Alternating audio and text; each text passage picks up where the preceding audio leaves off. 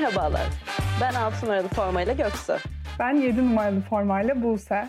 Hem kendi hikayelerimizi anlatacağımız hem de yolu sporun herhangi bir dalından geçmiş insanları konuk alacağımız 6 artı 7 podcast kanalımıza hoş geldiniz. Hazırsanız spora ve sporcuya dair ne varsa konuşacağımız bölümümüze başlıyoruz. Herkese merhaba. Bugünkü konuğumuz eğitim ve spor danışmanı Emir Demirkan. Hoş geldin Emir. Nasılsın öncelikle?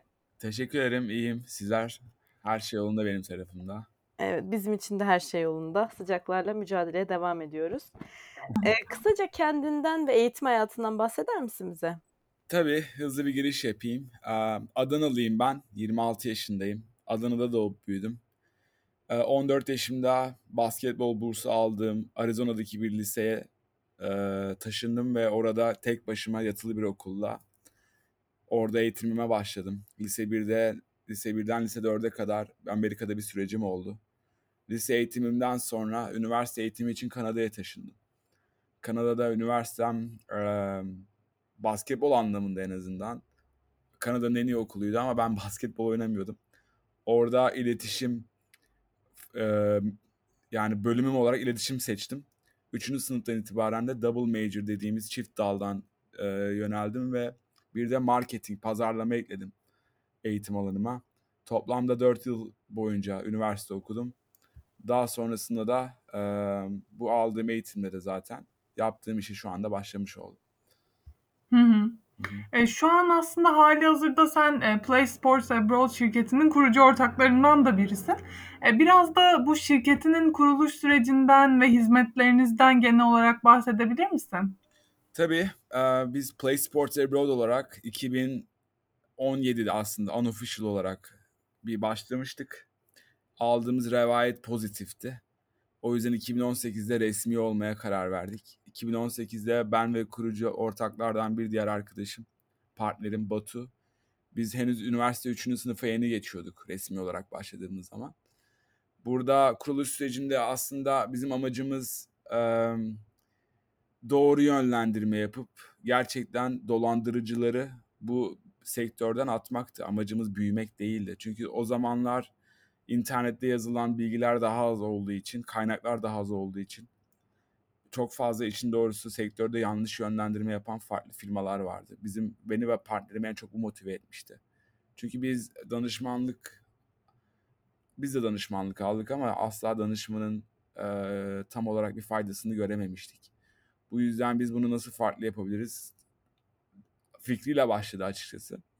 Bu kariyeri seçme sebebimiz de açıkçası budur ve benim her zaman içimde kalmıştı açıkçası. Yani bu Division 1, Division 2 birazdan daha detaylandıracağım ama hani bu basketbol bursu alıp üniversite okuyup eğitimini bedavaya getirme fırsatlarını ben asla ulaşamamıştım. Bu da benim yani liseden sonra ulaşamadım, üniversite için ulaşamadım. Bu da benim içimde kalan bir hevesti. Ve bir sonraki diğer öğrencilerin, Türkiye'den olan öğrencilerin öncelikle benim yaptığım hataları yapmaması, yapmamaları için böyle bir kariyer seçtik. Ee, ilk senemiz gerçekten hayır kurumu gibiydik. Yani bir ücretimiz falan yoktu. Tamamen bedavaya hizmet veriyorduk. Ama e, bu kariyerde biz başarılı olabileceğimizi ve olduğumuzu gördükten sonra da buraya bir yapılandırma getirdik ve sistem oturttuk. Hizmetlerimiz arasında ağırlıklı olarak basketbol, voleybol var ama biz e, futbolculara da onun dışında atletizm, tenis, yüzme gibi sporlara sporcu danışmanlığı vererekten Amerika'da okumak isteyen öğrencilerin, sporcuların önünü açıyoruz. Onların hedeflerine uygun okullar buluyoruz. Bu okulları bulduğumuz seviyeler üniversite seviyesi ve lise seviyesi oluyor. Liselerde de bizim hizmetimiz var ama ağırlıklı olarak üniversite öğrenci, oyuncu yolluyoruz. Yani burada bir detay daha var. Bu üniversite 3'teyken açıkçası, daha doğrusu üniversite 2'deyken özür dilerim. Benim bir New York Knicks'te staj dönemim oldu NBA takımıyla. Bu NBA takımıyla benim yaz ligi, Summer League dediğimiz bir lig var. Las Vegas'ta oynanıyor bu lig. NBA yaz ligi. Bu yaz ligindeki görevimden sonra orada ben kalıcı olabilmeyi çok istiyordum. Nasıl NBA'de kalıcı olabilirim diye. Oradaki insanların yönlendirmesiyle açıkçası ben bu danışmanlık hizmetlerinin, oyuncu bulma hizmetlerinin daha değerli olduğunu ve bir gün danışmanlık şirketimizi bayağı büyütebilirsek e, buralara tekrardan, NBA'lere tekrardan gelebileceğimi düşündüm açıkçası ve o her zaman bizim ana, ben en azından benim ana motivasyonum oldu. Peki şimdi branşlardan biraz bahsettin. Bir de e, hangi ülkelerle çalışıyorsunuz? Onlara hizmet veriyorsunuz genel olarak? Ee, şimdi ülkeler olarak biz Amerika ve Kanada'dayız. Bunun diğer ülkelerine henüz sıçramadık. Bunun sebebi biz bildiğimiz konularda yardımcı olmak istiyoruz. Yaşayıp gördüğümüz konularda yardımcı olmak istiyoruz. Avrupa'da bir kariyerim olmadı, Asya'da bir kariyerim olmadı. Bu sebepten dolayı oralarda fırsatlar olmasına rağmen bizi ilgilendirmiyor. Biz kendi alanımızdayız. Amerika ve Kanada'da zamanlar geçirdik. Ee, bu sebepten dolayı sadece bu iki ülkede hizmet veriyoruz. Yani aldığımız oyuncular farklı ülkelerden olabiliyor ama yerleştirme yaptığımız ülkeler sadece Amerika ve Kanada. Danışmanlık hizmetini veren yani bence en doğru insanlardan birisiniz genel olarak. Yani sisteminizi ve çalışma tarzınızı da bildiğim için söylüyorum. Çünkü dediğin gibi tecrübeniz olan alanlarda ve orada aslında nasıl bir süreç işliyor. Siz onu sıfırdan kendiniz deneyimlediğiniz için aslında o zaman da. O yüzden en doğru şekilde yönlendirebiliyorsunuz bence sporcuları ki bu da çok kıymetli bir şey. Ee, özellikle son dönemde yani çok fazla sporcu yurt dışında eğitim alarak e, spora devam etmek istiyor. E, çünkü biliyorsun sen de yani Türkiye'de ikisini bir arada götürmek gerçekten çok zorlu bir süreç. E, sen de oradaki antrenörlerle ve okullarla da sürekli iletişim halindesin ve çok yakından gözlemliyorsun aslında tüm süreci. E, peki Türkiye'deki eğitim ve spor ilişkisini diğer ülkelerle kıyasladığında nasıl bir sonuç ortaya çıkıyor? Sen ne düşünüyorsun buradaki sistemle ilgili? Ya ben bunu şöyle özetlemek isterim açıkçası çok basitten. Örneğin bir oyuncu var ve oyuncu İzmir'den, X kulübünden. Oyuncu X kulübünde İzmir'de devam etmek istiyor fakat üniversiteyi Ankara'da kazanıyor. Ama kulübü buna diyor ki eğer bizde oynamak istiyorsan e, okulunu ya online yapmalısın veyahut da İzmir'den sana bursla ayarlayabileceğiniz bir okula gitmelisin.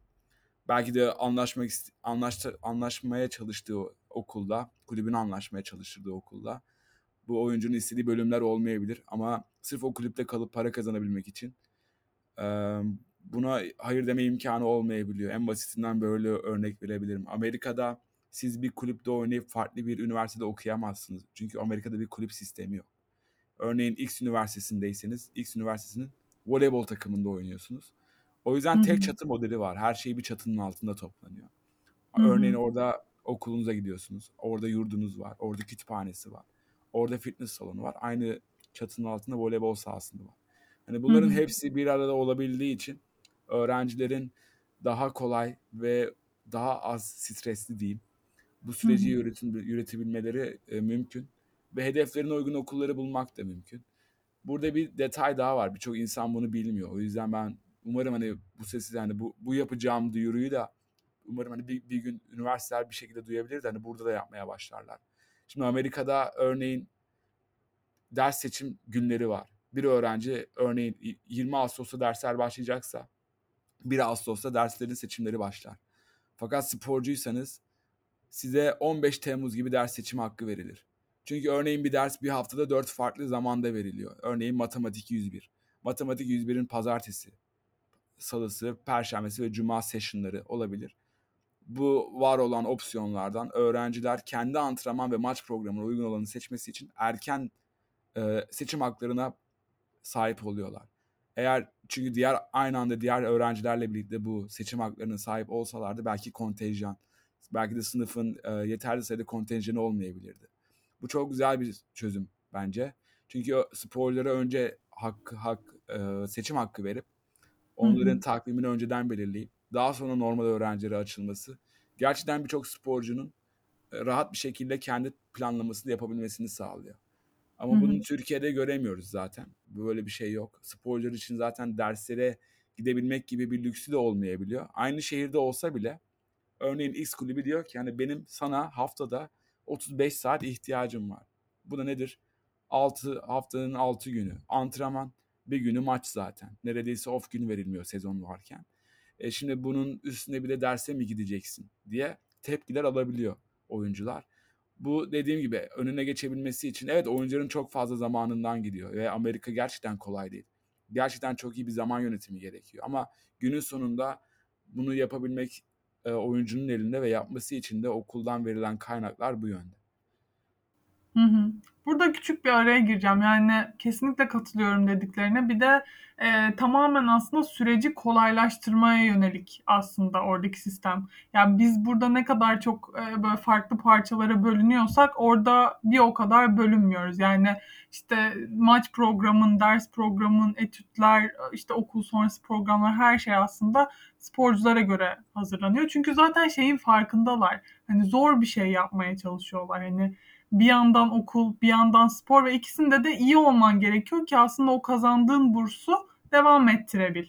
O yüzden onun stresi zaten yetiyor birçok sporcuya ki bazı sporcular da işte bir de farklı ülkelerden gelip orada bambaşka bir kültürde okumaya çalışıyorlar. Evet. Ee, o yüzden bunun farkında olmaları bile çok kıymetli bence. Ya buna ek olaraktan şöyle bir şey ekleyeyim. Aslında belki ilgini çekebilir. 2019 yılında NCAA Mental Health, mental sağlık programı sunmaya başladı. Ve bunu artık Division 1 takımlarına zorunlu olarak tutmaya başladı. Bu da nedir? Bir öğrencinin e, gerek sportif gerek akademik nedenlerle stres olduğu anda öğrencinin confidential yani özel bir şekilde bunun duyulmamasını sağlayaraktan yardım alabileceği mental sağlık koçları var. Artık bu bir kural.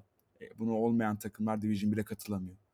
Ee, bu da açıkçası ne kadar değer verdiğini gösteriyor ligin. Öğrencilerin e, arkasında olduğunu gösteriyor. Ve bu, bu programın asıl amaç olaraktan diploma alabilmenin ve eğitim alabilmenin olduğunu bir daha sinyal ediyor açıkçası. Ee, bu 2019'dan önce özellikle University of South California'nın, USC'nin bir kampanyasıyla e, hızlandırıldı. Oradaki atletizm ve yüzme takımındaki kız, kadın yüzme takımındaki oyuncuların kampanyasıyla hızlandırıldı ve 2019'da verilen komitenin yani e, lig yöneticilerinin aldığı kararla birlikte artık bu bir zorunlu hale getirildi. Valla en kısa zamanda Türkiye'ye de lazım. Hani bir bu mu kaldı gerçekten tek eksiğimiz ama bizim eee, şimdi aslında senden önce olacak, yayınlanacak konumuz psikologtu. Hatta bir Evet. ufak bunlardan da bahsettik. Türkiye'de ne kadar yetersiz kaldığından ve olması gerektiğinden tam olarak denk geldi yani söylediğinde. Bu çok önemli. Hatta belki yapılan antrenmandan çok daha önemli baktığında. Evet yani aslında 2019'da bir özellikle de o zamanların yeni yeni olduğu için izliyorum. TikTok'ta akımlar hemen hemen akım oluyordu. Bir şey yapıyorsun hemen akım oluyordu. TikTok'un yeni yeni parladığı dönemlerden bahsediyorum. Ee, ve o USC oyuncuların yaptığı TikTok akımlarından sonra işte örneğin yani bir college işte üniversite sporcu öğrencinin günlük hayatı nedir? Sabah 5.30'da kalkılır, 6.30'da fizyoya girilir, 7'de yemeğe gidilir, 8'de antrenmana girilir. 11'de şu yapılır, 1'de 3, 5 derken bütün gününün dolu olduğunu gösteren akımlar, videolar çekiliyordu. Ve bunun daha sonrasında da e, sporcuların evet ya aslında gerçekten bu kadar ciddi bir zaman yükümüz var. Neden bize destek verilmiyor diye bir, bir kampanya başlattılar. Bunu da aynı sene içerisinde lig yöneticilerin kulak vermesi. Tabii sosyal medyanın da gücüydü ama e, ligin ne kadar mental sağlığa önem verdiğini de göstermiş oldu bence. Evet, çok mantıklı, güzel bir hareket olmuş. Peki, şimdi ben genç bir sporcuyum ve yurt dışında okumak istiyorum. Burslu olarak yurt dışında, mesela Amerika'ya örnek verelim. Amerika'da burslu okumak için bende ne gibi kriterler olması lazım? Bence burada burslu okumanın bir terimlenmesi lazım. Yani burslu okumak nedir? Burslu %100 burs da olabilir, %50 burs da olabilir. Ee, bu burs anlamında bir terimlenme gerekir bence. Ama full athletic scholarship dediğimiz bir burs türü var. Bu da %100 sporcu bursu. Ve bunu rahatlıkla verebilen Amerika'daki tek lig 4 yıllık okullardan konuşuyorum. Tek lig NCAA Division 1'dir yani birinci ligdir. Şimdi bu ligde oynayabilmek için ee, tabii spordan spora değişen kriterler var. Ee, voleybolla örnek vereyim ör- örneğin. Şimdi voleybolcular artık biliyorsunuz Türkiye'de de ikincilik falan oynamak çok kolay oldu yani. İkincilik dediğimiz yer 16 yaşında biri de var, 20 yaşında biri de var, 37 yaşında biri de var. Hani o yüzden hani birçok oyuncu veyahut da ailesi benim kızım profesyonel ligde oynuyor ama neresinde oynuyor? Nasıl bir performans var? Ee, o yüzden bence bunun yönlendirilmesini yapmakla başlamak lazım. Amerika'daki Division 1 okulunda tabii ki de ikincilikten çıkıp bir sürü başarılı olan oyuncu var. Benim burada amacım ikinci lige kredisini elinden almak değil. Ama nasıl bir durumda olduğu, hangi takımda olduğu, takımın profili bunlar çok önemli. Çünkü e, Amerika'da olan takımların 10 tane bursu var. 10 tane voleybol bursu var diyelim ki. Ve bu voleybol takımında diyelim ki 16 tane oyuncu var. Yani bu 6 tane oyuncunun burssuz olduğu anlamına gelir. Bu 10 oyuncunun arasına girebilmeniz için bence önce kendi bulunduğunuz ligden e, ne, kendi bulunduğunuz ligde ne kadar iyi katkı yapabiliyorsunuz. E, bunlarla, e, bunun araştırmasıyla başlıyoruz. Ama pozisyon pozisyonda ayrıldığı oluyor. Örneğin bir orta oyuncunun approach jump dediğimiz smaç vuruş yüksekliği ve dokunabildiği en yüksek e, nokta. Yani örneğin 3 metre 20 santimetreye dokunan bir sürü Division 1 oyuncusu var. O 3.20'ye dokunan birçok oyuncunun aşağı yukarı smaç vuruş yüksekliği 3.05-3.7 arasında değişebilir. Hani bu orta oyuncular, örneğin sma, e, smaçörler için ayrı kriterler var. Genelde Avrupalı oyuncu alınıyorsa six rotation dediğimiz altı yön e, altı rotasyonunda dönebilen yani sağda da solda da arkada da e, örneğin servis karşılayabilmesi çok önemli. Tek yönlü oyuncular zaten Amerika'da daha atletik olduğu için o tarz oyuncular Amerikalı oyuncular oluyor ama Avrupalı yani bizim gibi Türk oyuncular e, daha çok e, teknik anlamda daha iyi olduğu için bizi bu, bu planda ön, e, öne çıkartıyor. E, ama diyelim ki basketbol, futbol, özellikle de bireysel spor ne bileyim işte yüzme olsun, atletizm olsun. Orada kriterler farklı. E, şunu unutmamak lazım. Amerika'daki size verilen bu bursların bir beklentisi var. Yani aldığınız burs sonsuza kadar kalmayabilir. Bu bursu doğru yönetmek de bizim gibi danışmanların işidir. O yüzden burada kriterlerin öğrenciden öğrenciye, spordan spora, e, beklentiden beklentiye değiştiğini açıklamak gerekir. Hani burada doğru bir cevap yok. Gerçekten ihtiyaca göre bir cevap var.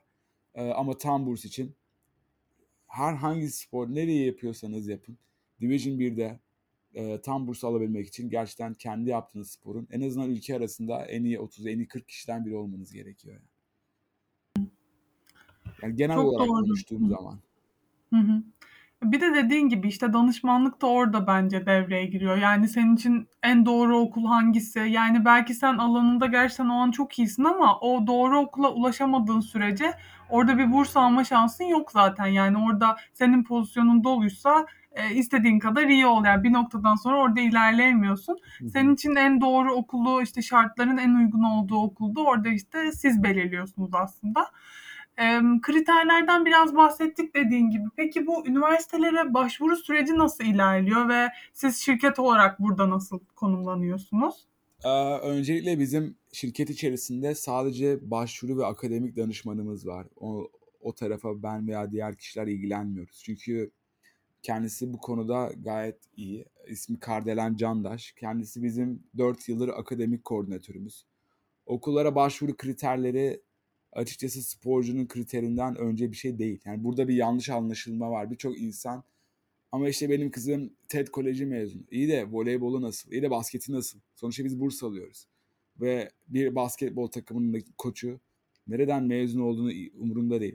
Açık söyleyeyim umurunda değil. Bu çünkü şöyle bir farklılıkla başlıyor. Bir Amerika'daki okula girebilmek için, sporcu bursuyla girebilmek için önce koçları ikna edebilmek lazım. Daha sonra öğrenci kabul komitesini ikna edebilmek lazım. Ve bunlar ikisi ayrı departmanlar. Bir koç öğrenci kabul de, e, komitesindeki bir kararı değiştiremez. Tıpkı öğrenci kabul komitesi sen niye buna burs veriyorsun diyemeyeceği gibi.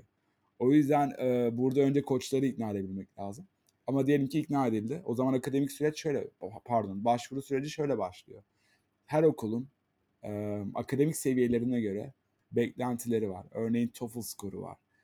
SAT artık opsiyonel oldu ama SAT üniversite geçiş sınavıdır Amerika'daki.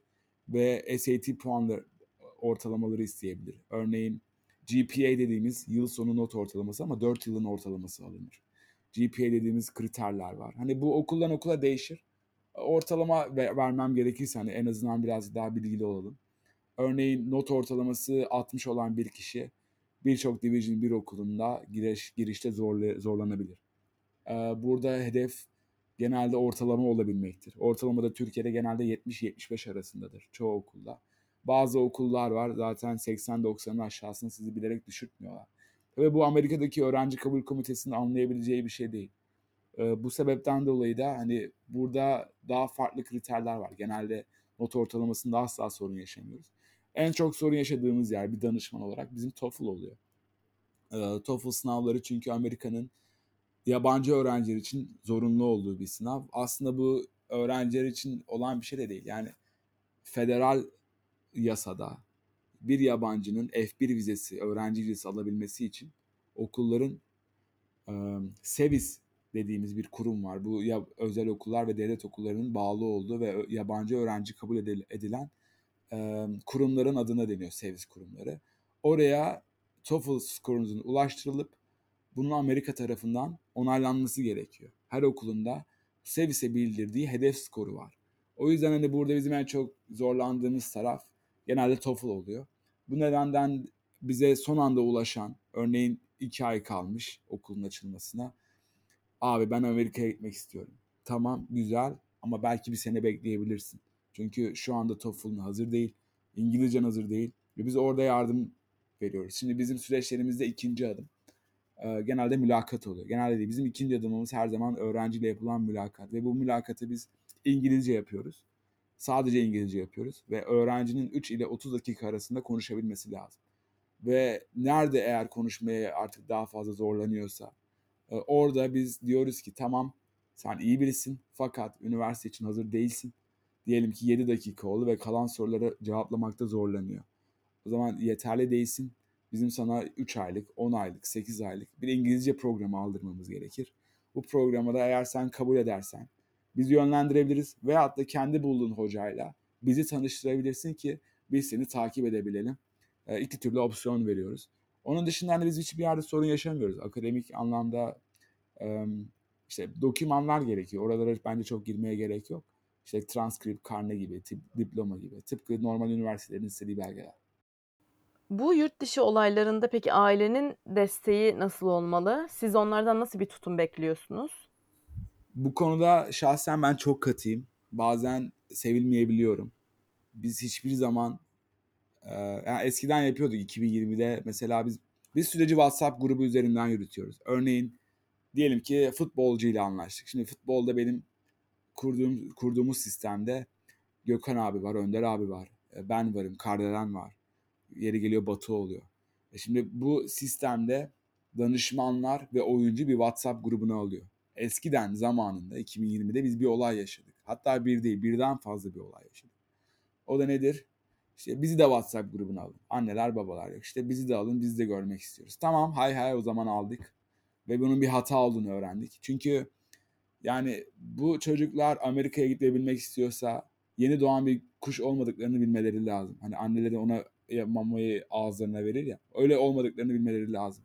Çünkü bizim burada yapmaya çalıştığımız şeyde sorumluluk sahibi olabilmesi lazım bir oyuncunun. Ve bir oyuncunun eğer olamayıp annesi veya babası tarafından ittiriliyorsa gerçekten hiçbir zaman sağlıklı bir süreç olmuyor. Burada o yüzden neden danışmanı aldığını ve danışmana neden süreci bıraktığını unutmaması lazım. Yani sonuçta bir ücret karşılığında bunu yapıyor bir danışman ve bırakın danışman birliklerini yapsın. Tabii ki de aile bu güveni alabiliyorsa bunu yapsın. Anlatabiliyor muyum?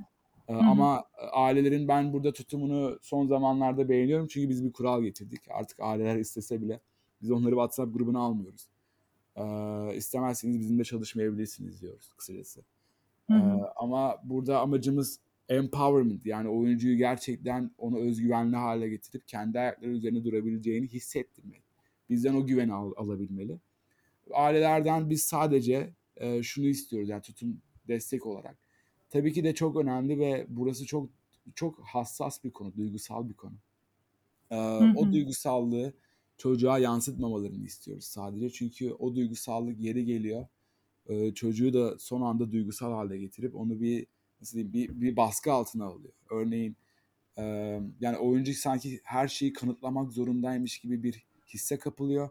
Bu da sağlıklı bir şey değil. Onu birazcık doğallığına bırakabilmek lazım ve onları her zaman desteklediğini hissettirmek lazım. Burada Hı-hı. bir de bir, bir, bir konu daha var. Bunu kesinlikle söylemek istiyorum. Çocuğunuz gidiyor. Kendisiz değil yani. Hani yok işte çocuğum vize aldı şimdi ben başvurabilir miyim? Bilmiyorum. Bilmem. İstersen başvur. Beni ilgilendirmiyor. Hani lütfen hatta mümkün olduğu kadar çocuklarına uzak dur. Çünkü orası şey değil yani hani bütün aileler gidiyor da çocuğunu kampüse bırakıyor. Ay hadi kızım görüşürüz. Öyle bir ortam değil yani. Orası artık profesyonel bir ortam. Tıpkı nasıl burada takımı emanet ediyorsanız orada da takımı emanet ede- edebilmeyi bilmeleri gerekir. Aileler Hı hı. koçlara yazamaz. Ya benim oğlumu niye oynatmıyorsun? Bilmem. Acaba antrenmanı izledin mi? Anlatabiliyor muyum? Hani o yüzden e, burada ailelerde sadece kendi çizgilerinde kalması lazım. Yaşadıkları duygusal problemleri çocuklarına hissetmemeleri, hissettirmemeleri lazım. Ve sürekli her zaman arkasında olduğunu, bu senin hayatın, senin, senin kararların diyebilmeleri gerekiyor. Bilmiyorum belki çok katıyız bu konuda ama Hı hı. bence doğrusu bu yani. Evet ben de katılıyorum. Yani özellikle bu yaptıkları hareketlerle çok destek değil köstek oluyorlar gibi de. Yani o an yanlarında olduğunu ve onlar için en iyisini yaptığını düşünüyorlar ama işte dediğin gibi süreç zaten o Amerika'ya gittikten sonra başlıyor. Yani çok uzak bir yerdesin, onlardan uzaktasın ve bir şeyleri kendi başına halledemiyorsan orası çok zor bir yer haline dönüşebiliyor senin için. O Evet. yüzden bence en iyisini yapıyorsunuz. E, bu danışmanlık hizmetleri sırasında da aslında aileler, sporcular, birçok böyle e, insanla sürekli iletişim halindesin. Aynı şekilde yurt dışındaki okullar. Peki bu e, alanda yani mesleğinin sence en keyifli ve en zor yanları neler? Ben e, zorlarıyla başlamak istiyorum. Çünkü bence zorları daha keyifli benim için. Zo- Zor olmadığı zaman anısı daha az oluyor açıkçası. Doğru. Zoru başarabilmek de tabii danışmanın ve aynı zamanda ailenin danışmanı, yani çocuk dahil ailenin danışmanı olan güveniyle başlıyor. Ama zor olan taraf şu. Biz karar vermiyoruz. Biz verilen kararları ailelere aktarıyoruz. Günün sonunda biz bir platform kurmaya çalışıyoruz ama o platformu kuran kişi biz değiliz yani. Tabii ki de oyuncuyla beraber çalışaraktan bu platforma erişiyoruz ama platformlar koçlar tarafından kuruluyor. Koçların bize verdikleri sözlerden kuruluyor. Ve bu sözler her zaman yerine getirilemeyebilir. Örneğin en, en yakın zamanda daha, daha yaklaşık bir ay önce oluyor. Biz bir oyuncumuz için teklif aldık. Fakat o okula gelen bir basketbol oyuncumuz için bunu anlatıyorum. O okula gelen hatta direkt isim vereyim. University of Texas Arlington'a biz bir erkek basketbolcu yerleştiriyorduk. Ve o okula okuldan gelen koçlar, yeni gelen koçlar DePaul Üniversitesi'nden geliyordu. Ve gerçekten diyorum daha belki de 3. veya 4. günlerinde okula geldikten sonra bizden bu oyuncuyu alırken bize birçok sözler verildi. İşte şöyle olacak, böyle olacak, her şey mükemmel, tamam, süper. Ama sonra ne diyorlar? Ee, biz başvuru yaptık ve 1 Ağustos günü geldi. 1 Ağustos günü bana bir telefon geliyor. Emir böyle böyle kabul mektubunuz geldi mi? Yo biliyorsun ilme daha 4 gün oldu başvuru yapalı. Yani sizin tarafınızda o beni benim yapabileceğim bir şey yok. Bizim işte atletik direktör aradı. Bu da nedir? Sportif direktördür. Atletik direktör aradı. Okulumuzda kural varmış. 1 Ağustos'ta kadar eğer kabul mektubunuz gelmiyorsa bizim okulumuz ne yazık ki yabancı öğrenci alamıyormuş. Ben dedim bunu yeni mi öğreniyorsun? Adam diyor ki evet yeni öğreniyorum. Yani o yüzden hani bazen bizim verdiğimiz sözler gibi algılanıyor. Ama bunun da üstüne nasıl geldik? Oyuncumuzu University of Texas Arlington yerine University of Oregon'a yolluyoruz. Oregon'a NBA'ye en çok oyuncu veren takımlardan bir tanesi. Ve açıkçası aile bize asla güvenini kaybetmedi ama ben biliyorum bir, bir sarsıntı oldu. Acaba Emir bize yalan mı söylüyor? Acaba Emir bize doğruları mı aktarıyor? Acaba Emir yapamadı da mı bize böyle söylüyor? Hani bunlar var. Ee, o yüzden bu en zor anları yani yabancı durumuna çok düşmemeye çalışsak da bazen elimizden gelmeyen şeyler var. Ama biz bunu Hı her zaman üstesinden geliyoruz. Ben buna çok inanıyorum. Geldiğimizde zaten kanıtlıyoruz yani ailelere. İşin en keyifli yanları bilmiyorum keyfi düşünemiyorum bile yani. Hani eee, açıkçası ben şu noktada en çok keyif aldığım yer yeni insanlarla tanışabilmek. Gerçekten sürekli yeni insanlarla tanışıyorum. Çünkü üniversite tarafını genelde ben hallediyorum ve futbol, basket, golfe bile ben ben konuşuyorum. Koçlarla ben görüşüyorum. Onlardan sürekli yeni bir şey öğreniyorum. Yani burada öğrencilerle ilgilendiren bir taraf yok bana ama bence işin en zevkli tarafı yeni insanlarla tanışabilmek. Eee, bu da bence gerçekten networking anlamında bizi çok Hı hı. ön plana atıyor. İnsanların, sporcuların, ailelerin belki de ya hepsinin dö- hayatının dönüm noktasında sizin de payınız var ya bence o da büyük bir tatmin getiriyordur. Tabii bak aslında çok doğru söyledin. Yani şu an bizim yaptığımız hatta bizim sloganımız var. Change your world through sports diye. Çünkü biz dünyanın sporla değiştiriyoruz baktığın zaman. Evet. Ve, ve bu çok özel bir şey. Yani dediğim gibi 45 yaşında da olsan aa biz Emir abiyle Amerika'ya işte servis aldık Amerika'ya burs kazandık. 70 yaşında da olsan bir gün işte şarabını içerken aklına gelecek. Ya aslında var ya çok güzel günlerdi biz Amerika'ya gitmiştik falan. O yüzden hani hiç unutulmayacak ve bence burada pozitif veya negatif fark etmiyor. Tecrübe ne olursa olsun 5 yıl zaman geçtikten sonra o negatif şey asla negatif olarak kalmıyor. İyi ki olmuş diyorsun. Ve hayat durumun ne olursa olsun. Bakın bunu her zaman arka, yani arkasındayım bu lafın. Hayat durumun ne olursa olsun. Ya bir şey değil mi? O kadar rezil olduk. O kadar sorun yaşadık. Yok işte uçağı kaçırdık. Bu oldu şu oldu. Ama iyi ki olmuş diyorsun yani. Hı Ve o noktada hayat değiştirebildiğini gerçekten hissettim. Hissetmek güzel bir şey. Peki şimdi e, sen yurt dışında kariyer hedefleyen bir sporcuya ne önerirsin ya da neler ö- önerirsin? Yapabileceğin kadar hata yap derim. Büyük ihtimal. E, Çünkü tamam ama şöyle düşünelim bir de soruyu. Hani ne yapması gerekiyor? Bu kariyer hedefi doğrultusunda ne zamandan itibaren çalışmaya başlaması gerekiyor? Ha o anlamda. Ya şöyle söyleyeyim. Bizim süreçlerimiz genelde lise 2'den sonraya kaldığı zaman hangi sporu yaparsan yap. Lise 2'den sonraya kalırsan eğer. Diyelim ki lise 3 geçtin, lise 3'ü bitirdin ve lise 4'ün yazında ulaştın. Bu daha az bir zaman demek çalışabilmemiz için. Çünkü eğer bu süreci yaşayan varsa bilir. Okul bulmak yaklaşık 4 ila 6 ay sürebiliyor. Yani bunun hazırlığıyla beraber 8 ay 10 ayı bulabilir. Hazırlıktan kastım da belki de TOEFL için bir hazırlık gerekir. Belki SAT için bir hazırlık gerekir. O yüzden burada en büyük önerim erken ulaşın. Erken eğer böyle bir fikriniz olmasa bile bence e, ya, araştırmalar yapılması gerekiyor. Yani çünkü Türkiye'de biz bir plana çok bağlı kalıyoruz. Yok işte neymiş Eczacıbaşı de bana demiş ki menajer seçmeyin. İyi de yani 18 yaşına gelmiş bir oyuncu belki de artık gerçekten plan yapabilmesi lazım. Ama çok geç kalmış olabiliyor. Neden? Çünkü bir an bir gün uyanabilip ya biz seni şuraya kiralayacağız. Ama bu planda yoktu. O yüzden de buraya erken ulaşıp en azından Amerika'yı B planı, C planı yapabilmek lazım. Gitmeseniz bile yapmak lazım. Ee, Bundan dolayı da ben erken ulaşılması taraftarıyım. Ee, Lise 1, lise 2 harika bir zamandır. Çünkü bize çok fazla zaman verip öğrenciyi istediğimiz modele sokmak için harika bir fırsat oluyor. Onun dışında da hangi sporu yapıyorsanız yapın dokümenleyin. Yani ben çok iyi basketbolcuydum ama videom yok dediğiniz anda inanın benim yapabileceğim bir şey yok. Ee, geç bile bize başvursanız belki de seni yer, sizi yerleştirme şansımız olabilir. Ama dokümanlanmamışsa yaptığınız hiçbir şey. O zaman burada bizim bizim yapabileceğimiz bir şey yok. O yüzden erken yaştan itibaren. Ama tabii o kadar değil. 8. sınıfta ne yaptığının çok bir önemi yok bizim için. Ama lise 2, lise 3, lise 4'ten itibaren oynadığınız müsabakaları kayıt altına alabilmeniz lazım. Veyahut da diyelim ki yüzücüsünüz. Federasyonun duyurduğu dereceleri lütfen kayıt altına alın. Çünkü o kayıt örneğin işte duyuru yapıyorlar işte bu 100 metre şu dereceler alındı diye. Onlar üzerinden biz koçlara ulaşabildiğimiz için eee, geç kalmamaktan daha iyidir yani.